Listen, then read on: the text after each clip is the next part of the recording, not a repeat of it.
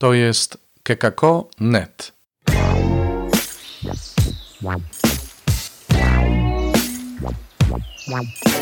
Poranny suplement diety. Chrystus zmartwychwstał, tu Robert Hecyk z oazy Koinonian, chrzciciel w Błotnicy.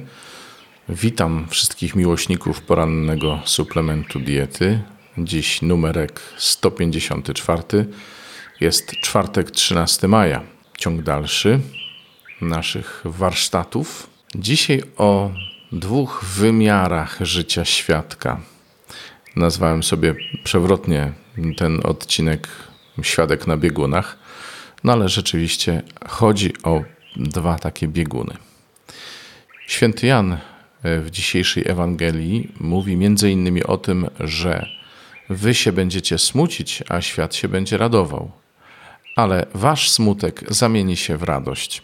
Jest dość wyraźna różnica, wyraźne rozgraniczenie między uczniami a światem, między dziećmi Królestwa Niebieskiego a dziećmi tego świata. I tą różnicą jest to, w czym jedni i drudzy upatrują sensu swojego życia, w czym jedni i drudzy pokładają nadzieję, co dla nich jest ważne.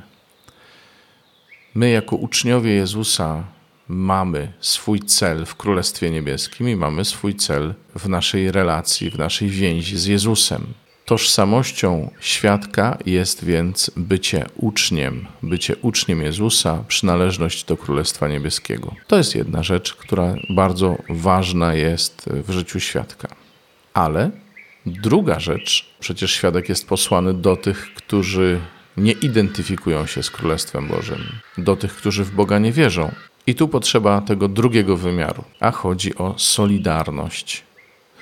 Ja mam być solidarny z tym, do którego idę, do którego idę ze świadectwem.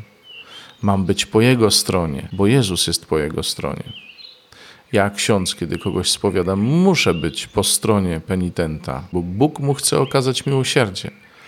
Ja nie jestem jego oskarżycielem, to diabeł jest jego oskarżycielem. Tak samo w odniesieniu do tych osób, z którymi dzielę się moim świadectwem, którym głoszę Jezusa. No ale co, kiedy te osoby zachowują się wrogo? No to już jest kwestia ich wolności.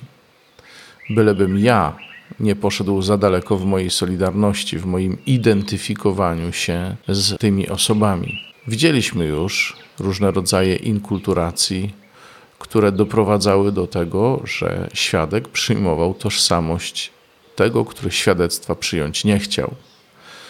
Dobrze pojęta inkulturacja to takie słowo dość nowoczesne, ale już zakorzenione w kościele, czyli dobrze pojęte utożsamienie się z tym, do którego jestem posłany, polega na tym, aby mówić jego językiem, o czym mówiliśmy wczoraj, nie zniekształcając tego, co mam do powiedzenia. Więc moja tożsamość, moja solidarność muszą iść w parze, żebym miał jeszcze coś do powiedzenia w ogóle światu. A solidarność gwarantuje, że moja tożsamość ucznia Jezusa przetrwa, bo uczeń Jezusa zawsze jest misjonarzem. Uczeń zawsze dzieli się swoim świadectwem. Więc mamy ucznia na biegunach, a konkretnie na dwóch biegunach: tożsamość i solidarność. Bez tego nie ma ucznia, nie ma świadka Jezusa. To tyle na dzisiaj.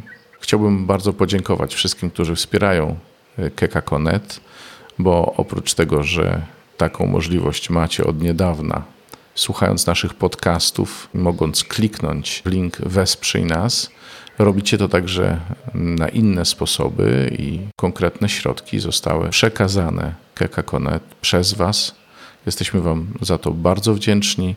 Mogliśmy dzięki temu na przykład zmienić platformę e, podcastową, usprawnić ją i przygotować na rzeczy nowe, na nowe wątki podcastów. Bardzo Wam dziękujemy i polecamy się na przyszłość. Pozdrawiam, do jutra, do usłyszenia.